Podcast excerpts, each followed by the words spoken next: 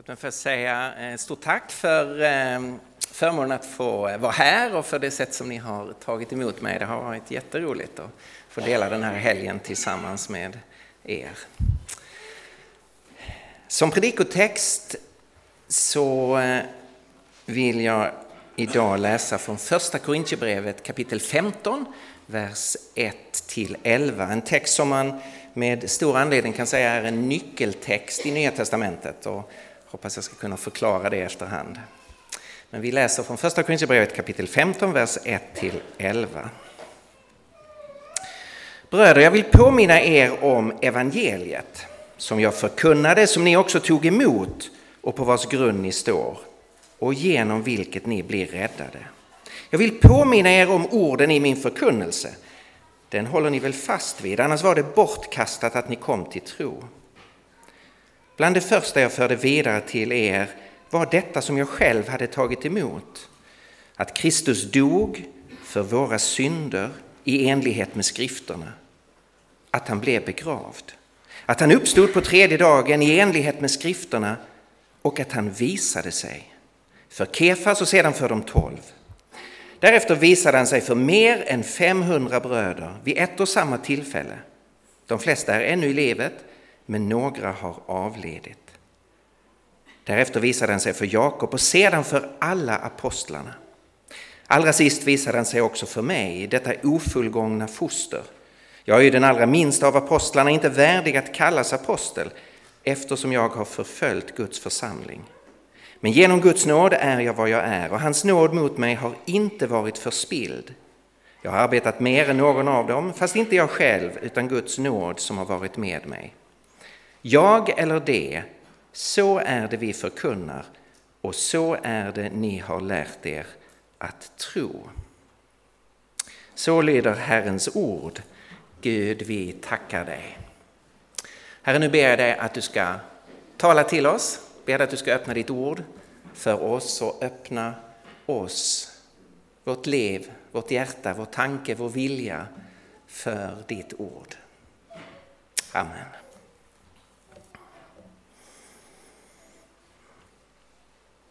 Det ursprungliga evangeliet. Ordet evangelium förknippar vi med något kristet, något religiöst. Det är så vi använder det, evangeliet. Det är nyheterna om Jesus Kristus. Ursprungligen så var evangelium ett alldeles vanligt ord för goda nyheter. När man i romarriket annonserade att någonting gott hade hänt så kom det en härold, man kunde inte gå ut på Facebook vid den tiden och ingen twittrade ut världshändelser. Utan det kom en härold till staden, kanske sänd från kejsaren och proklamerade nu är det fred. Eller nu har våra arméer besegrat fienden. Eller nu är en ny prins eller kejsare född. Så det var goda nyheter. Någonting hade hänt som hade positiva konsekvenser för åhörarna och det annonserades.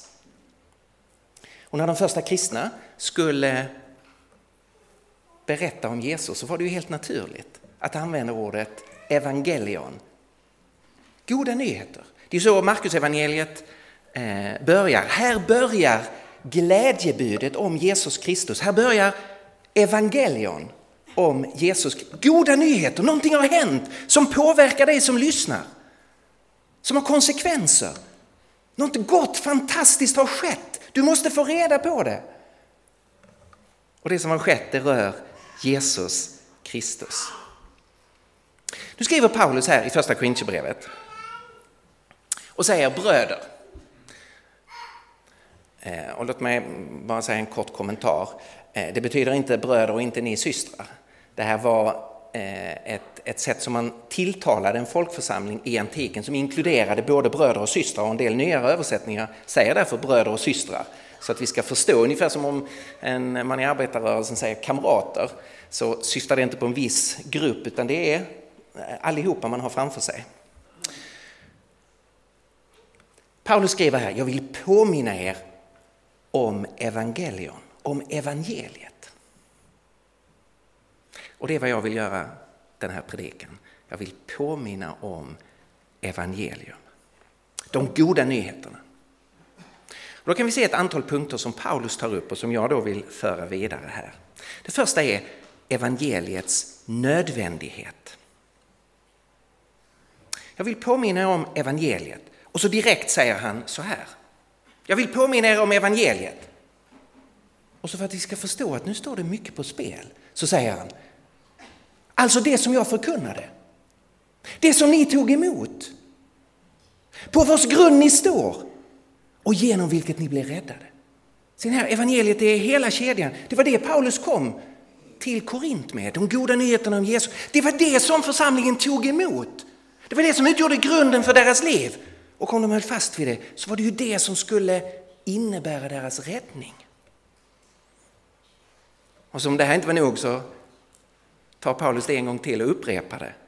Jag vill påminna er om orden i min förkunnelse.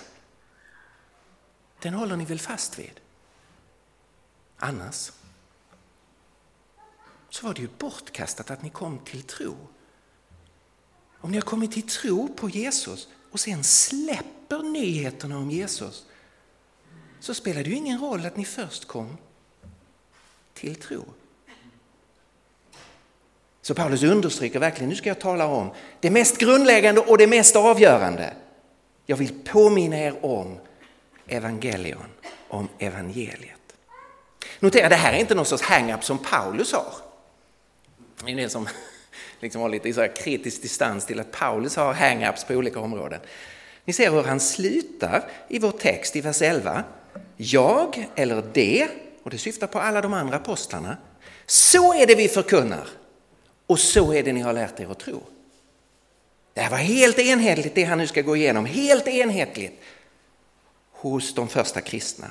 Detta var den apostoliska förkunnelsen, det som Paulus och de andra apostlarna förkunnade och stod för och spred. Så det handlar om evangeliets nödvändighet. För det andra så går Paulus igenom vad som är ursprunget till de här goda nyheterna. Var kommer de ifrån? Evangeliets ursprung.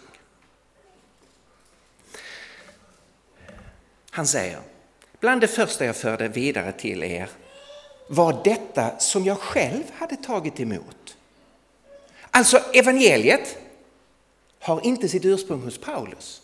Det är inte han som har formulerat det här. Han var ju inte med från början. Han förföljde ju de kristna. Så det här har inte sitt ursprung hos Paulus. Utan det här är ett budskap som Paulus, när han väl blev kristen, tog emot från de som var kristna före honom. Och sen har han fört det vidare till församlingen i Korint.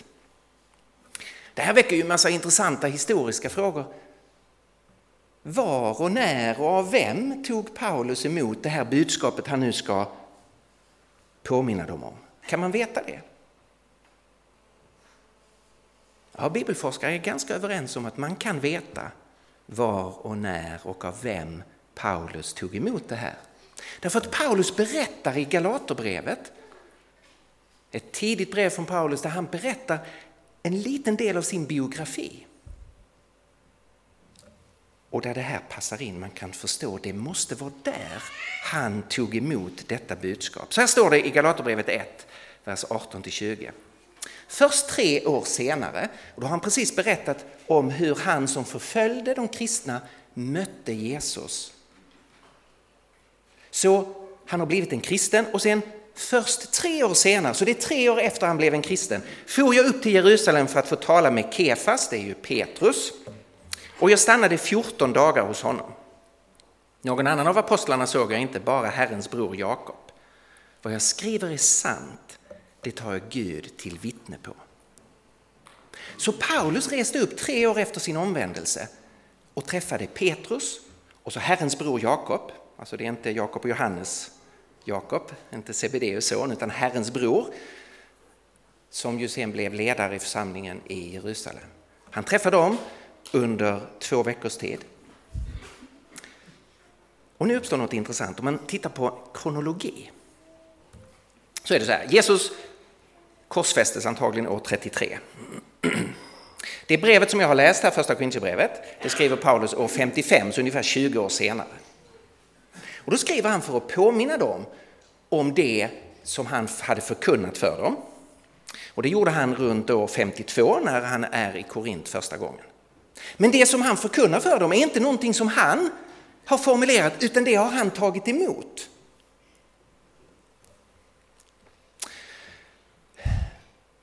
Och då menar de flesta forskare att det har han tagit emot den där gången när han reste till Jerusalem för att träffa Petrus och Jakob den första gången. Paulus blev en kristen ett år, möjligen två år efter Jesu avrättning, så det är år 33 eller 34. Det innebär att han reser till Jerusalem år 37 eller 38. Vet ni vad det här innebär? Det här innebär att det som vi har läst här i första Korintierbrevet, det är en formulering som Paulus tog emot på 30-talet i Jerusalem. Alltså man undrar så här, de första kristna riktigt tidigt, på 30-talet i Jerusalem, vad var det för budskap de hade? Vad var det de sa? Vad var det de förkunnade? Vad var det som väckte tro? Ja, vi har det här. Det här är budskapet som Paulus tog emot av Petrus i Jerusalem år 37-38.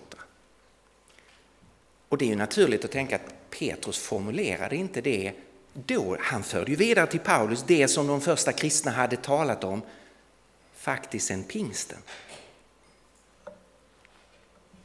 Intressant, en, en ledande eh, Jesusforskare som heter James Dunn i en jättevolym som heter Jesus Remembered så skriver han så här. Denna tradition som vi läser i första Korintierbrevet, det kan vi vara helt säkra på formulerades som tradition inom månader efter Jesu död. Det här tycker jag är ohyggligt intressant. Vi läser inte om hur de kristna formulerade sin tro på 50-talet. Det här är verkligen det ursprungliga evangeliet som det förkunnades i Jerusalem på 30-talet inom månader efter Jesu död. Så om du undrar om, liksom, det finns ju massa sådana tankar, kyrkan förändrade och, och, eh, och så, budskapet har säkert utvecklats. Glöm det där. Nu är vi tillbaka i Jerusalem, månader efter Jesu avrättning. Det var det här man förkunnade. Vad var det då man förkunnade? Vad var detta ursprungliga evangelium? Jo, vi hade det här i texten. Att Kristus dog för våra synder i enlighet med skrifterna och att han blev begravd. Att han uppstod på tredje dagen i enlighet med skrifterna och att han visade sig. För Kefas och sedan för de tolv. Därefter visade han sig för mer än 500 bröder vid ett och samma tillfälle. De flesta lever ännu, men några har avlidit. Därefter visade han sig för Jakob och sedan för alla apostlarna. Allra sist visade han sig för mig, säger Paulus. Alltså det ursprungliga evangeliet handlade om en person, om hans död, om hans begravning, om hans uppståndelse och hur människor hade mött honom. Man kan se i hur det här är formulerat i den grekiska texten att det är formulerat som en form av bekännelse. Det består väldigt tydligt av fyra attsatser. Att Kristus dog, att han blev begravd, att han uppstod och att han visade sig. Och sen kommer en lista på de historiska personer som såg honom. Om man analyserar det här kan man väl säga att av de här fyra satserna, han dog, han blev begravd, han uppstod och han visade sig, så är det två av satserna som är de fundamentala. Och det är de här två satserna. Det är två påståenden om Jesus. Att han dog och att han uppstod. De andra två påståendena är bevis som belägger de här två grundläggande påståendena. Alltså han dog Ja, han var verkligen död. Han var så död så vi begravde honom. Och han låg i graven flera dygn. Alltså han var inte svårt skadad, han var inte medvetslös. Han var inte avsvimmad. Han var död. Han var så död en människa kan bli.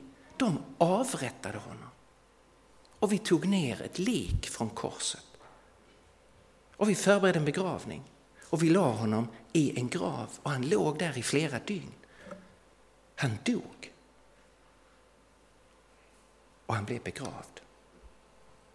Och sen kommer ju det är helt revolutionerande. Han uppstod. Det står i passiv verbform, så egentligen ska det stå han upprestes. Därför det här bygger på att det finns en Gud som är aktiv och som kan handla in i världen. Så engelska översättningen har He was raised för att tydliggöra att det handlar inte om att han i egen kraft uppstod eller att naturen är så egendomlig så vissa personer som dör kastas tillbaka i livet. Så är det ju inte. Det här är ju ett verk av Gud. Han uppreste Jesus, han uppstod. Vad är beviset för det? Att han visade sig. För massor med människor, för identifierbara människor, för människor som trädde fram och stod för sitt vittnesmål, för människor som var beredda att ge sitt liv för att detta var sant. Han uppstod. Hur vet vi det? Därför att han visade sig. Dessutom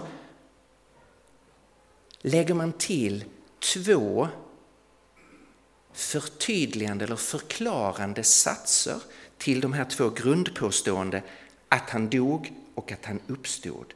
För att förklara vad är poängen med det. Han dog, och så kommer det två satser som förklarar. Han dog för våra synder i enlighet med skrifterna. Här är två saker.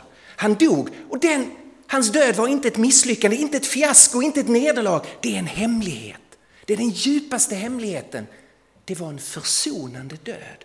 Han dog för våra synder.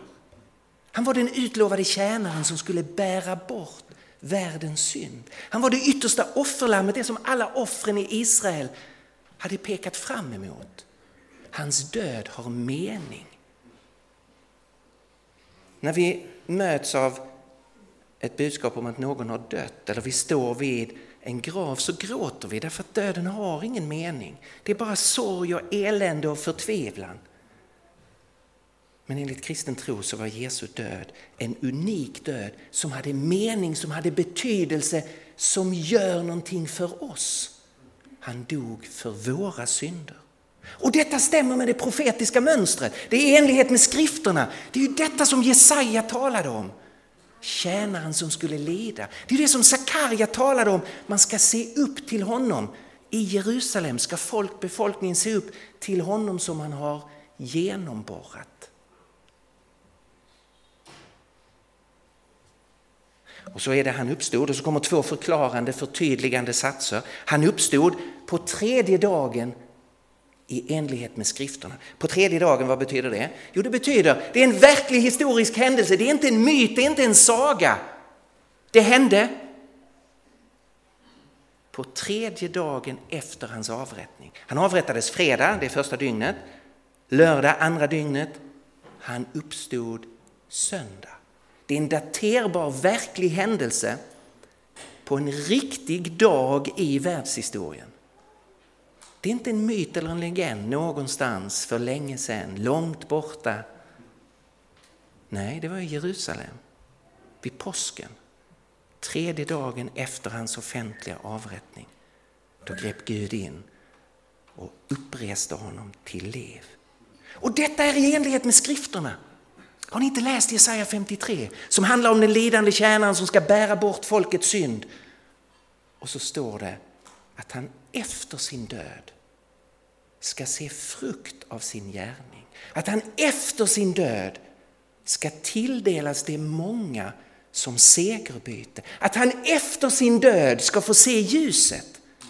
Alltså döden är inte slutet för tjänaren utan det finns en uppståndelse och en seger andra sidan döden för denne unike tjänare. Han dog för våra synder i enlighet med skrifterna och han blev begravd. Han uppstod på tredje dagen i enlighet med skrifterna. Och han visade sig.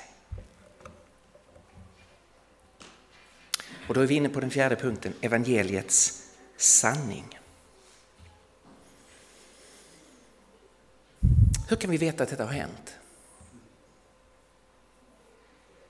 Paulus är jättetydlig i det här kapitlet. Att det här är inte någon sorts religiös fluffig eh, idé som...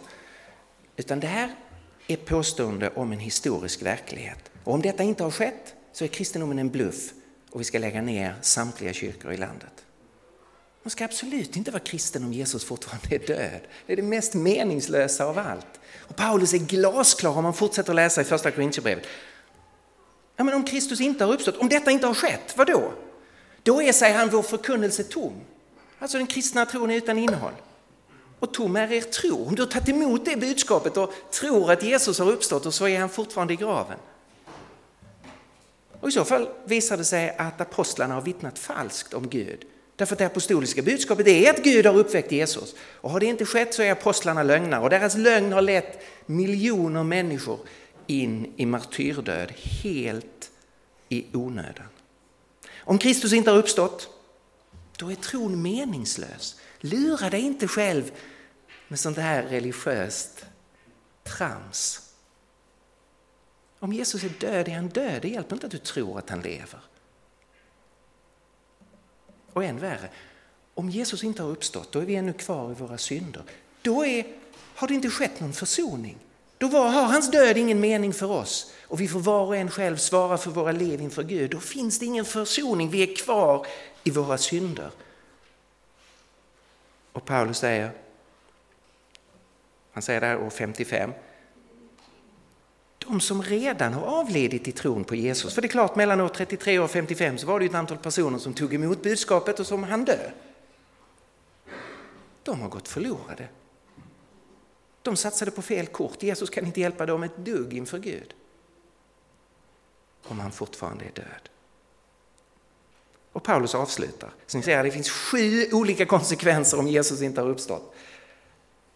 Om Jesus inte har uppstått och vi tror att han har uppstått, då är vi de mest ömkansvärda bland människor. Alltså, vi är ju patetiska, man ska tycka synd om oss. Vi är grundlurade i så fall. Så det här är ju jätteviktigt. Kan vi veta att det har hänt? Att det är på riktigt? Vad var det som övertygade de första kristna? Vad var det som gjorde att de blev så helhjärtat övertygade om att Gud hade uppväckt Jesus? Ja, det kan vi veta ganska klart. Vad övertygade de? Det var en kombination av två fakta, två historiska fakta. Och det är viktigt att se kombinationen här. Det börjar med att man hittar graven tom. Det är ju en grupp kvinnor som är mest angelägna om att hedra Jesus, att fullfölja begravningen. Man har haft ganska ont om tid fredag eftermiddag. Begravningen måste vara färdig före sabbatens inträdande klockan 18. Jesus dör nionde timmen, det är runt klockan tre. Det är ingen exakt tidsangivelse, någon gång mellan två och fyra dör Jesus. Man måste inhämta tillåtelse att få ta ner kroppen. Man måste forsla den till Josef av Arimataias grav. Man måste införskaffa eh, kryddor, myrra och olja och väldoftande örter. Man måste införskaffa tyg att svepa kroppen i. Man har inte haft mycket tid. Det är därför man är så mån om att så fort det blir tillåtet söndag morgon skaffa mer parfym. Det här låter ju konstigt för oss. Det här har att göra med det judiska begravningssättet. Vi gräver ju ner våra döda i marken. I Israel så skedde en begravning i två steg. Första steget var att man la kroppen i en klippgrav. Så fick den ligga där ett år. Och under det året så ruttnade allt löst på kroppen bort, så att bara skelettet var kvar. Och efter ett år så tog man benbitarna, skelettet och la i en liten kista som kallas för ett osarium. Hittat massor med sådana osarium i Jerusalem. Man har bland annat hittat översteprästen Kajafas ossuarium med hans benrester. Men den här processen av 12 månader när allt löst på kroppen ska ruttna bort, det innebar ju att det blev en ohygglig stank runt graven av likdoft. Kommer ni ihåg Johannes 11 när Jesu vän Lazarus har legat död i fyra dygn i graven och då säger ju systrarna han luktar redan. Och för att begränsa det så smorde man in kroppen med välluktande örter. Det är därför Nikodemus kommer med 30 kilo myrra för att smörja kroppen. Och det är därför kvinnorna söndag morgon köper in mer väldoft för att fortsätta begravningen. Men när de kommer dit så är graven tom. Det finns inget lik. Det här väcker inte deras tro på uppståndelse. Det här blir bara en enda stor fråga. Vad har hänt med kroppen? Var är den? Var är liket? Är det någon som har flyttat det? Är det någon trädgårdsmästare som har varit här? Är det någon som har stulit liket? Vad är det som har skett? skett? Graven är tom. Och sen kommer det avgörande. Från söndag morgon så visar sig Jesus för ett antal personer. För Maria från Magdala och sen så rullar det på en händelsekedja där Jesus visar sig för fler och fler personer under en sex veckors period. Och det är förstås den här kombinationen, graven är tom och sen att man möter Jesus levande som gör att man blir övertygad om Gud har gripit in, bekänt sig till Jesus som sin son, som offerlammet, som Guds Messias och har uppväckt honom från de döda. Så efter Jesu död och begravning hittas graven tom. Jesus visar sig. Och han visar sig för ett mycket stort antal människor. Paulus säger för fler än 500 personer. Och han kan år 55 säga de allra flesta lever kvar. Det är klart under 20-årsperioden har några avlidit, så några har dött. Men de allra flesta lever kvar. Och det här är ett sätt för Paulus att säga, ni kan intervjua dem. Skicka Janne Josefsson, skicka Kalla fakta, res själv. Det finns hundratals personer som är beredda att intyga, vi såg honom, vi mötte honom, vi tog på honom, vi åt tillsammans med honom. Det här var kontrollerbart under många decennier att det fanns människor som hade mött Jesus. Och så får vi ett urval av personer. Det hade blivit långt om vi skulle få alla 500 namnen. Vi får en redigerad lista som består av tre välkända individer och tre grupper av personer. En del undrar varför finns inte Maria från Magdala med här, hon som mötte Jesus först. Det är faktiskt inte uttryck för någon sorts manschauvinism, det har bara med kulturen att göra. Då kan man säga att den var chauvinistisk. Män hade generellt sett i både judisk och romersk kultur eh, eh större auktoritet som vittnen. Och därför väljer man i vittneslistan att lyfta fram tre män. Det är i grunden inte konstigare än om jag talar till ett antal studenter på KTH som, som eh, studerar till civilingenjörer. Är det klart att jag citerar Stephen Hawking, världens mest kände naturvetare, därför att det har auktoritet i deras ögon, öron. Medan om jag talar till ett idrottsgymnasium, det är klart att jag citerar Zlatan eller en annan sportidol därför att det har cred i deras öron. Så det här handlar ju om att man väljer utifrån hur kulturen fungerar. Vad väger tyngst? Och då väljer man tre välkända individer, nämligen Petrus, Jakob, Herrens bror och Paulus tre tunga, offentliga, lätt identifierbara gestalter och säger de mötte Herren. Och så är det tre stora grupper.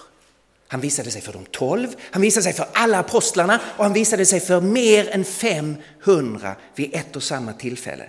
De tolv Ja, det är en teknisk term för de här tolv som Jesus valde ut. Judas finns ju inte med så i verkligheten är de bara elva och första gången är ju inte Thomas med så i verkligheten är de bara tio. Men det är den här gruppen av de tolv. Och så visar han sig för alla apostlarna, en lite större grupp av Jesu närmsta medarbetare och så vid ett tillfälle för fler än 500. Det är en jättesamling och de flesta lever fortfarande. Han visade sig på ett mycket konkret och övertygande sätt. Han kommer hem i eftermiddag och slår upp Lukas 24. om du vill ta reda på hur han visade sig. Det var inte en vision, det var inte en syn, det var inte en inre förnimmelse. Plötsligt stod han där i rummet och de blev helt paralyserade. Några tror att det är ett spöke, en ande. Och Jesus säger, men det är jag. Det är inte en ande. Känn på mig, ta på mig. En ande har ju inte kött och ben som ni ser att jag har. Och fortfarande så bryts inte förtrollningen. Och Jesus säger, ja men, ja men ge mig någonting att äta då. Och någon skickar en bit stekt fisk från köket och Jesus tar den och äter den. Det här är någonting som sker utanför deras medvetande. Jesus är verkligen där. De kan ta på honom. De kan bjuda honom på fisk. Han tar fisken och blir flottig om fingrarna. Han äter den. En NT-forskare som heter Ben Witherington han säger här i första Korinthierbrevet 15 när, när texten återkommande säger han visade sig, han visade sig, han visade sig och sedan visade han sig så används eh, ordet opte, det är det som vi har i optik. Ordet opte markerar objektiviteten i framträdandena. Jesus visade sig, inte de hävdade att han såg, de såg honom. Alltså det var inte att de hävdade för vår inre syn såg vi honom, utan det var att plötsligt framträdde Jesus. Var där objektivt fysiskt.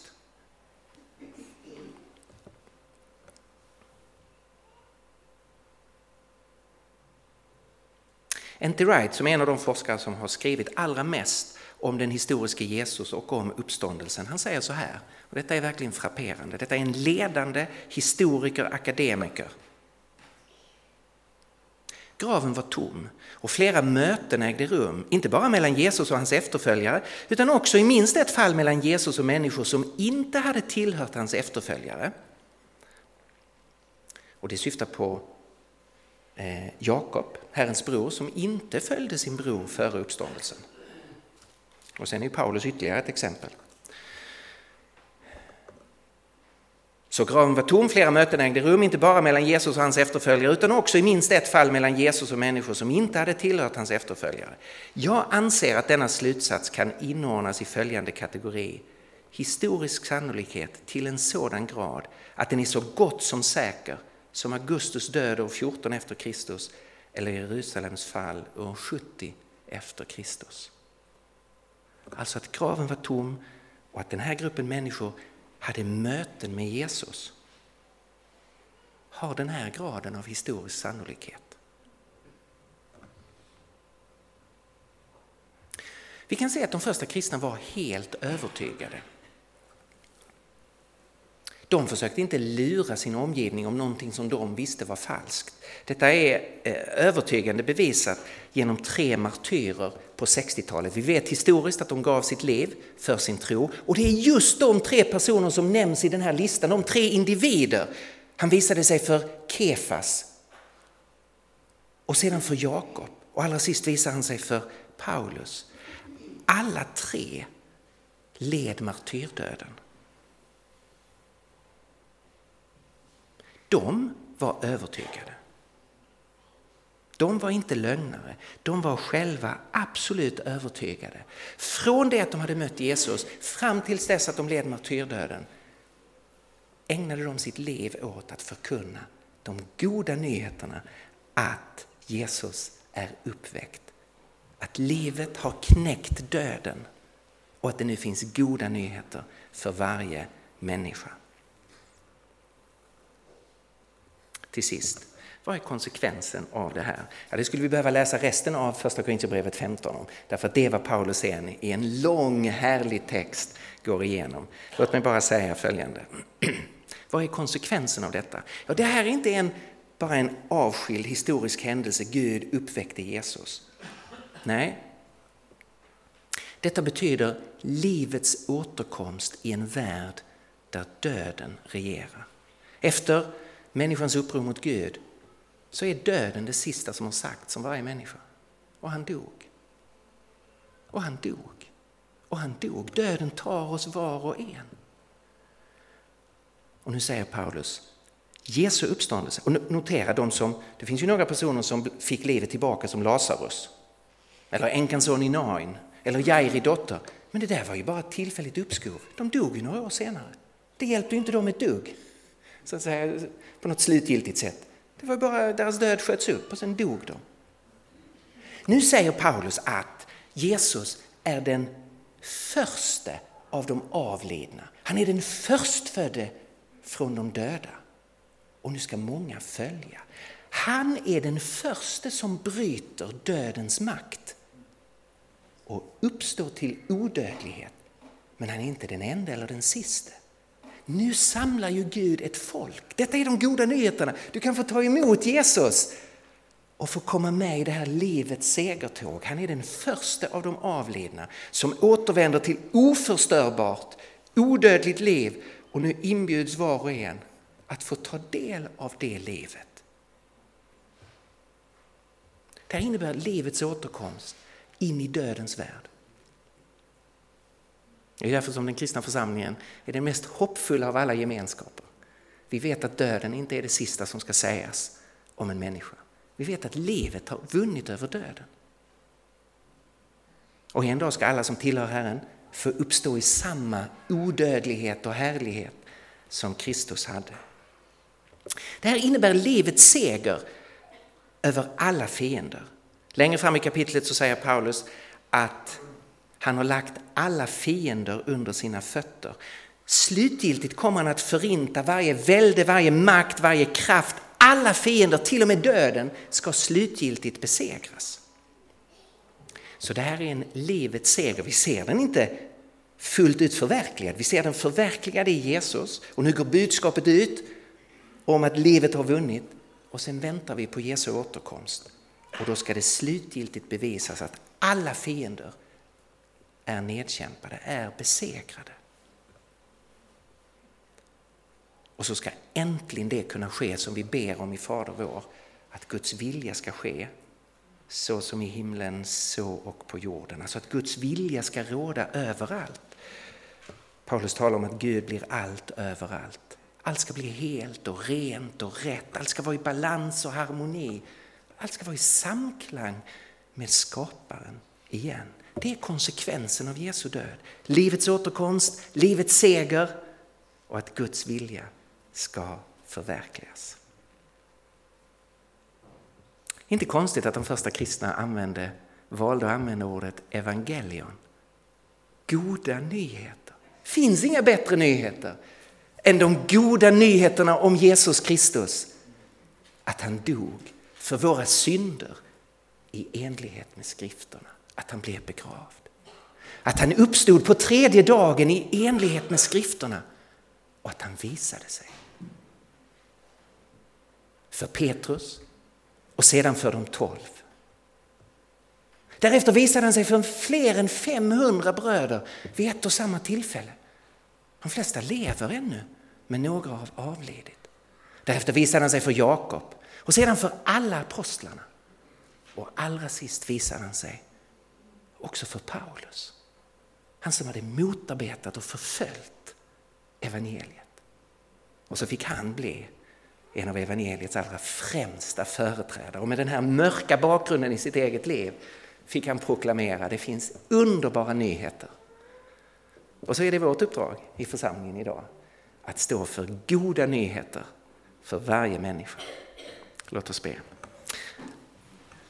Herre, vi tackar dig för att det finns goda nyheter rakt in i denna bräckliga och mörka värld, rakt in i våra liv som är så brutna på så många sätt. Tack för att vi får ta emot de goda nyheterna, Jesus, om din död och din uppståndelse och din seger. Och herre, vi ber dig att din församling, att vi ska få bli verkligen som en underbar megafon, som ett eko av de goda nyheterna, att det får klinga ut över vårt land och nå fram till människor som inte ser något hopp, inte ser någon utväg, Herre, låt det få ske. Låt oss få bära bud om din seger. Vi tackar dig Herre, vi prisar dig. Vi upplyfter ditt namn. Amen.